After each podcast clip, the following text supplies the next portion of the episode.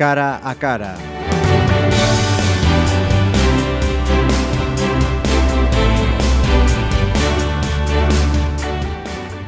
Tenemos un cara a cara hoy que yo mm, os diría que, que nadie deja de escucharlo hasta el, hasta el final. Es un tema que el año pasado, en 2016, lo habíamos tocado, si la memoria no me falla, en tres ocasiones. Mm, estamos hablando de campamentos de, refugiados, de todos eh, esos eh, em, miles de, personas que, por las circunstancias se ven obligados, con mayúsculas en negrita, subrayado, a dejar eh, su vida y marcharse, no se sabe bien a dónde y con el objetivo que se pretende. Pero queríamos conocer la, experiencia de Alberto Agrelo Vidal. Él es de Ogrove, es bombero de profesión en el parque de Porreño y se marchó el año pasado hasta Lesbos, una experiencia, me imagino que como las que nos contaban el año pasado, eh, no sé si ha cambiado tu vida, pero seguro que algo ha tenido que reconducir, ¿no? Sí, buenas tardes. Sí, la verdad que sí no es que bueno haya un cambio ahí drástico en tu vida, ¿no? Pero sí que te ayuda pues, a entender ciertas situaciones y, ver una cruda realidad que en realidad no estamos, o sea, que no estamos viendo aquí, que lo poco que nos llega está totalmente modificada. Eh, Alberto, em, ¿por qué te planteas marchar hasta allí, dejar el parque de Porreño y decir, bueno, voy, voy para allá? Vale, o sea, yo creo que todos los que mm, vivimos esta profesión, ¿no? Como la de bombero o cualquier miembro de un servicio de emergencias, pues bueno, ya tienes una sensibilidad especial, ¿no? A ciertas, a ciertas situaciones. Y bueno, por otra parte es el tema de que, bueno, eh, sí que estás viendo que hay una necesidad, que esta gente, o sea, hay personas como tú, como tu hermano, como tu padre, como tu madre, que están sufriendo, que están muriendo y que tú en realidad puedes hacer algo por ellos no es colgarse la medalla de ir a salvar vidas, pero sí formar parte de un equipo e intentar ayudar a, que las consecuencias sean las menores posibles. Y bueno, a raíz de ver cosas en la tele de cuando estaba un poco de moda, entre comillas, porque ahora, bueno, parece que el tema está solucionado, que no es así. Pues a, a, raíz de eso, de estar viendo imágenes constantemente de niños muertos en la playa, de naufragios, pues te hace el que te levantes de tu sofá y digas, no voy a cambiar de canal de televisión y pues me voy a desplazar allí. Entonces, pues bueno, intentas contactar con una ONG, con otra, hasta que contacté con ProMaid. Ellos vieron que mi perfil podía encajar con, con su forma de trabajar y bueno, me acogieron y, me desplacé a, Lesbos con ellos. Eh, cuéntanos, por favor, eh, qué es esta ONG, ProEMAID, eh, quiénes la integra y qué es lo, qué es lo que hace. Vale, ProEMAID nace eh, pues a finales del 2015, en noviembre, pues por el mismo motivo que, que, yo decidí marcharme hacia allá. Pues tres bomberos de Sevilla que, que eso, estaban cansados de ver eh, en la tele lo que estaba pasando.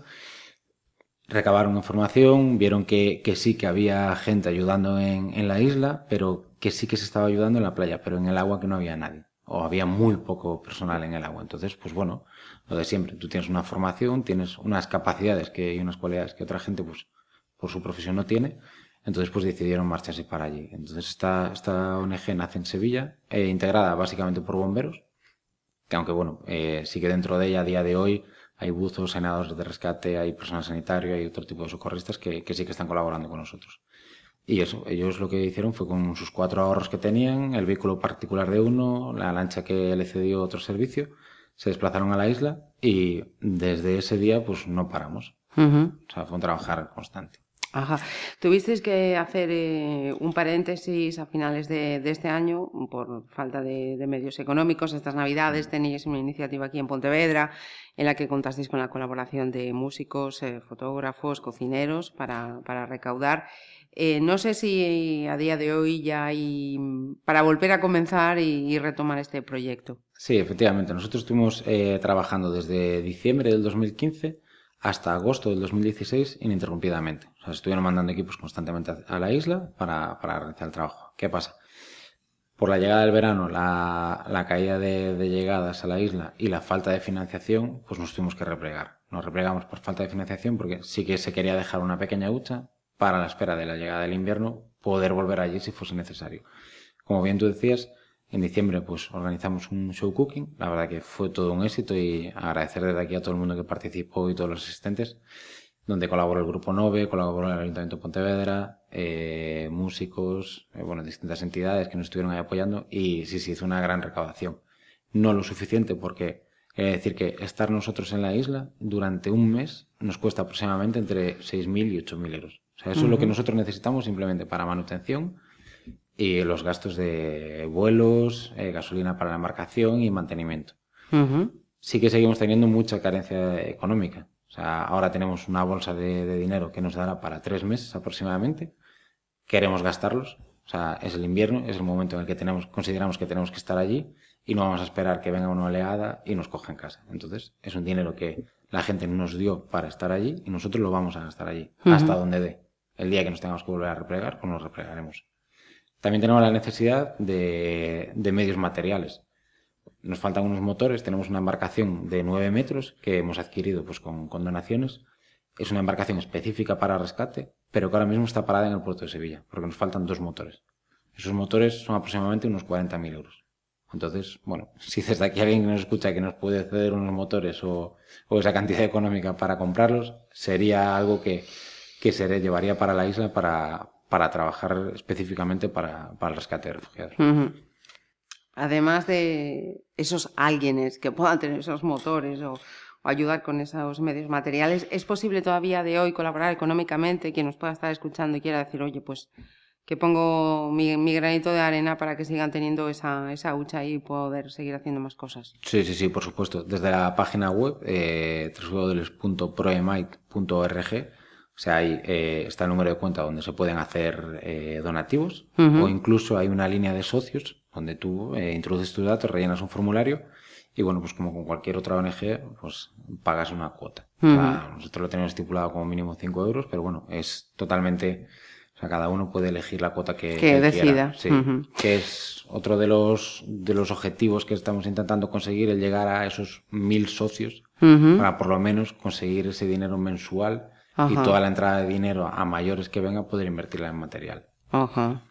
Eh, Alberto, cuéntanos por favor em, cuál es el trabajo, cómo, cómo trabajáis, eh, ayudáis eh, allí en el, en el, día a día. Vale, nosotros, nuestros relevos son de 15 días, no se permite estar más tiempo, bueno, 15 días día arriba, día abajo, pero no se permite estar más tiempo por la carga de trabajo física y psicológica. ¿Cuál es nuestro trabajo allí? Nosotros una vez que llegamos a la isla, nos organizamos con otras asociaciones y eh, nuestro trabajo principal es el rescate. Nosotros somos rescatadores, que es nuestra función principal. Entonces nosotros nos montamos en nuestra embarcación a las 11 de la noche, salimos al agua, haya aviso de, avistamiento, naufragio o no, o sea, nosotros salimos al agua y estamos toda la noche de guardia en el agua, hasta las 9 de la mañana aproximadamente, quitando incidencias que puedan ocurrir. A las 9 de la mañana nos venimos, se le da un descanso a ese personal, por supuesto, y se empieza a trabajar en tierra. ¿Cómo trabajamos en tierra? En verano estuvimos eh, con un proyecto abierto de concienciación al medio acuático porque vimos que eh, había una necesidad muy grande con los niños que llegaban a la isla por traumas, por miedos y por fobias al agua. O sea, son niños que vienen de zonas donde, de interior que a lo mejor nunca vieron el agua y la primera vez que la ven eh, fue en una embarcación cruzando el mar Egeo. Otros que sí que estaban familiarizados con el medio acuático, pero que por supuesto, la travesía es muy traumática y entonces pues les queda eso. Entonces nosotros hicimos como esa parte psicológica, ¿no? Ese apoyo con ellos. Entonces los recogíamos en los campos, los llevábamos a la playa y estábamos con ellos. Fue un proyecto que vimos que dio mucho resultado y, bueno, incluso Cruz Roja nos hizo una mención, ¿no? Gracias a eso. En febrero vamos a abrir otro proyecto, porque como es lógico, ahora en invierno no podemos ir al agua con ellos. Y queremos seguir trabajando y seguir ayudando en tierra a sus niños. Entonces lo que vamos a hacer en PICPA, que es un campamento donde están los niños, vamos a construir un parque infantil con materiales que hay allí y bueno, nosotros pues con nuestras habilidades que, tengamos cada uno, pues se va a comenzar ese proyecto y se va a construir un parque infantil pues para que los niños por lo menos puedan llevar lo mejor posible la situación que están viviendo y poder jugar allí. Mira, eh, antes de abrirlos el micrófono y con, esta presentación hacía alusión a, a esos otros programas que hemos dedicado a, a los, refugiados, a la situación que se vive ahora, en, no solo en el mar Egeo, pero ponemos la atención en este caso que es donde, donde trabajáis. eh, vosotros. Em, recuerdo a Pedro, a Pedro Real, un pontevedrés que, que estuvo en Rizona, que nos decía que mm, todas estas personas, mayores, pequeños, todos, mm, además de esas necesidades materiales, que lo, primero que necesitan es dignidad, ¿no? No sé si coincides en, en esa percepción. Sí, al mil por mil. O sea, tenemos que... O sea, hay un problema de base. O sea, la gente no tiene claro, porque es lógico, porque nadie se lo ha explicado, pero no tenemos claro la sociedad por qué esta gente está haciendo esto o de dónde viene. Esto es gente como nosotros, cualquier trabajador, cualquier pontevedrés, que tiene su trabajo, tiene su familia, tiene su casa, y de un día para otro le dicen, mira, en una bolsita pequeñita tienes que meter toda tu vida, cierra la puerta de tu casa y te vas. ¿A dónde? No lo sabes. ¿Cuánto tiempo vas a tardar en llegar? No lo sabes. ¿Qué vas a pasar durante el camino? No lo sabes. Pero tú te tienes que ir ya. O eso o te mueres. O sufres cosas muchísimo peores. Entonces, esta gente se va por necesidad, no por buscarse un futuro. Ese futuro ya lo tenían ellos y se lo habían trabajado. Pero alguien, por una decisión externa, lo rompe y tienen que volver a empezar. Esta gente no tiene dignidad ninguna. Y la poca dignidad que ellos intentan mantener, día a día, cada paso que dan, se la están quitando. Porque esta gente sale de Siria, de Alepo, hace un trayecto caminando que puede llevarle seis meses, un año, dos años. Durante ese trayecto sufren robos, sufren vejaciones, agresiones, sufren de todo, extorsión. Llegan a la costa, donde una mafia los recoge, el poco dinero que tienen se lo tienen que entregar a esa mafia, los meten en una embarcación que no está preparada en absoluto para navegar, en absoluto, lo sueltan y le dicen, allá vosotros a ver si llegáis a la orilla. Una vez que llegan a la orilla, llegan en calidad de detenidos, porque las fronteras están cerradas y todo refugiado llega en calidad de detenido. Son cachados por la policía, les cogen todas sus pertenencias y los meten en un campo de refugiados que es una cárcel donde no pueden salir. Esta gente no tiene dignidad ninguna. Ahí viene el problema que nosotros nos encontramos de que las asociaciones o ONGs que salimos al agua estamos considerados mafias. Porque ellos dicen que nosotros ayudamos a introducir esos refugiados en Europa. Nosotros no, sí es verdad que los ayudamos a introducir, pero es para salvar su vida, no es por un interés económico. Luego, eh, nosotros cuando salimos al agua tenemos que apagar los motores. O sea, nosotros no podemos hacer ruido, porque ellos, en su travesía, en el momento que escuchan un ruido, se callan. Y ellos son los que apagan los motores para que no los encuentren, porque se creen que nosotros somos la policía. Entonces nosotros somos los que tenemos que localizarlos, acercarnos a ellos y empezar ese trabajo psicológico con ellos. Empezar a darles esa poca dignidad que les queda, reforzársela y darles pues como un aliento.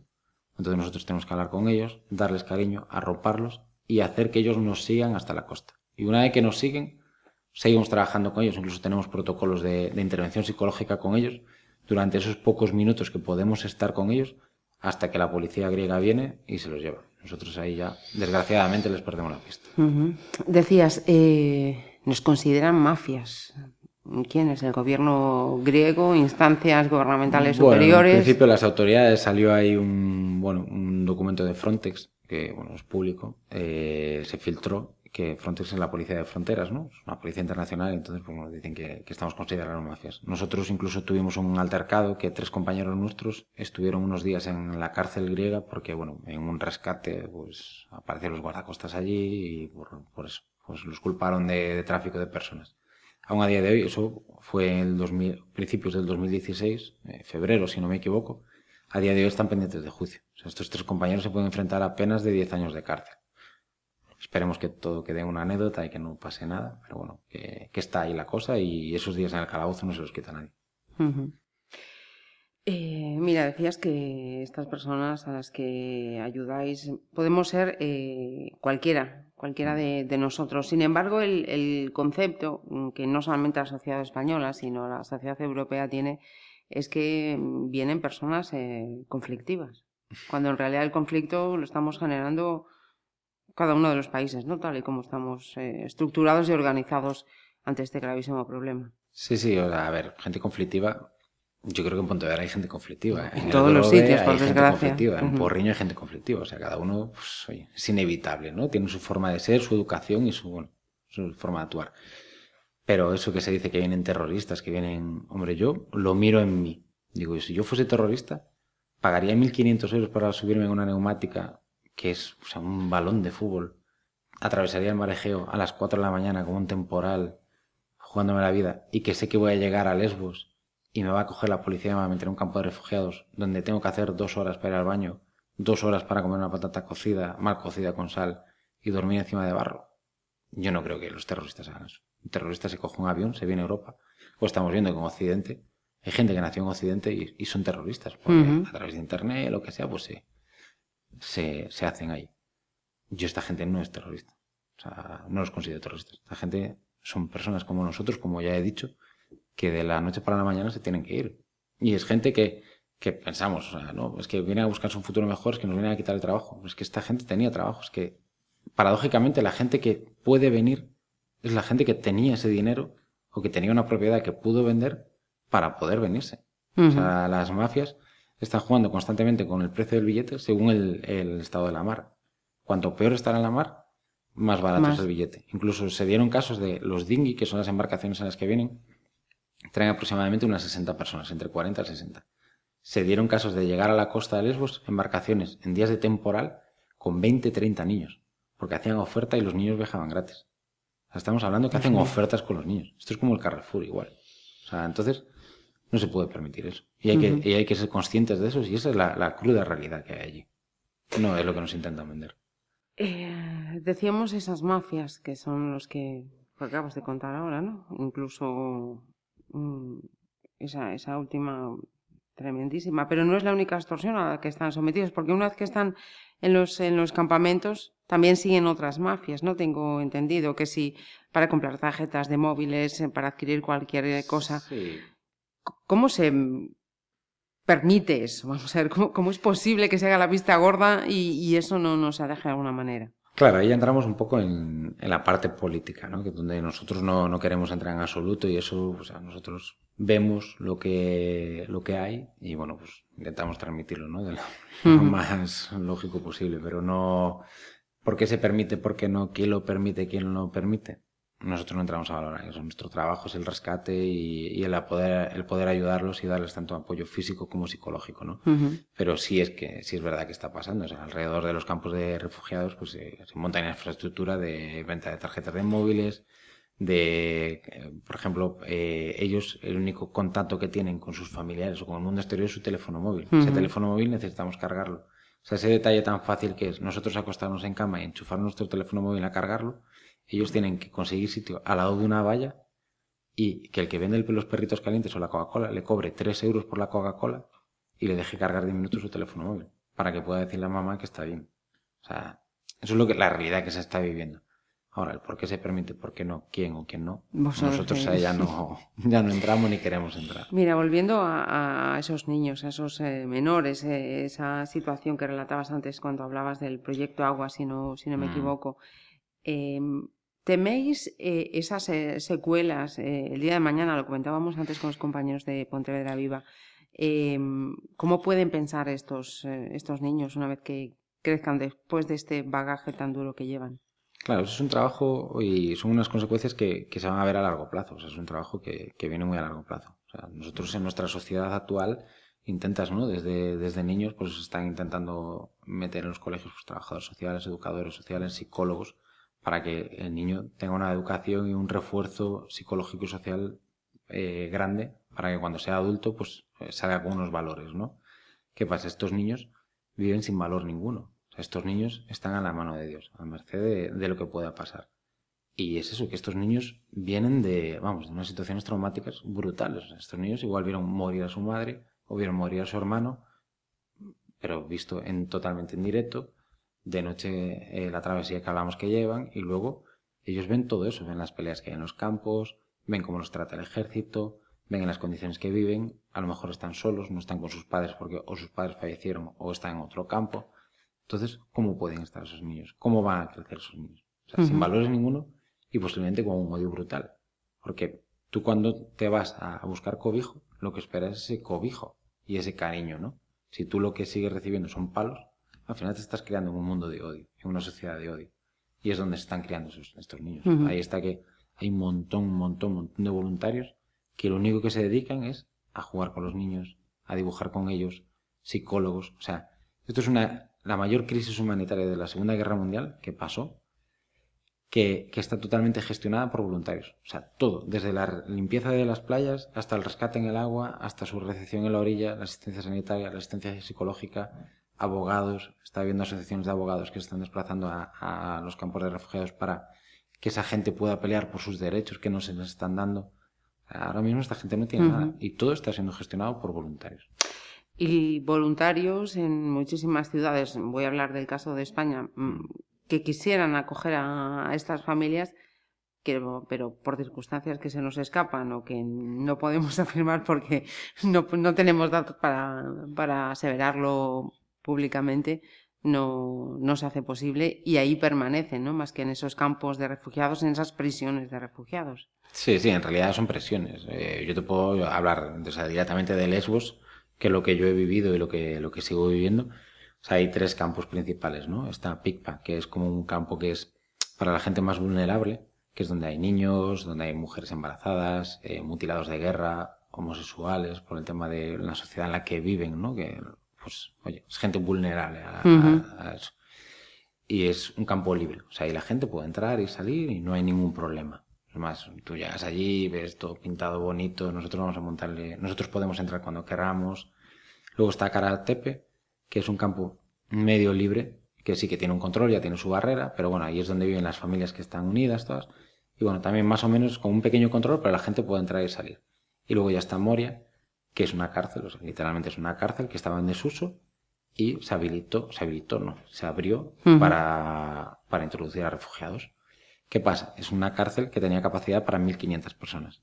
Se estima que aproximadamente estarán 4.000, 4.500 personas.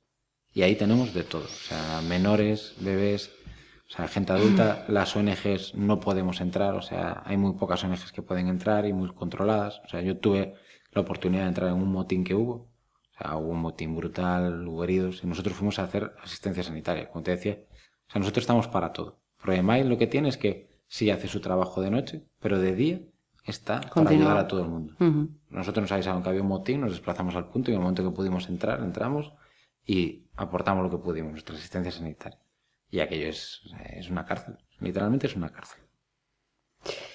Eh, en, estos momentos, con lo que estamos eh, viendo en, en, los informativos, me refiero al invierno, ¿no? A la crudeza del, invierno. ¿Tenéis conocimiento de, cómo lo están pasando ahí porque las temperaturas y la situación es, criminal. Pues ¿cómo lo están pasando? Pues muy mal. O sea, ahora mismo en Lesbos, eh, ayer la temperatura era de menos 2 grados, sensación térmica de menos 6, eh, vientos de 40 a 50 kilómetros por hora y nevando, lloviendo.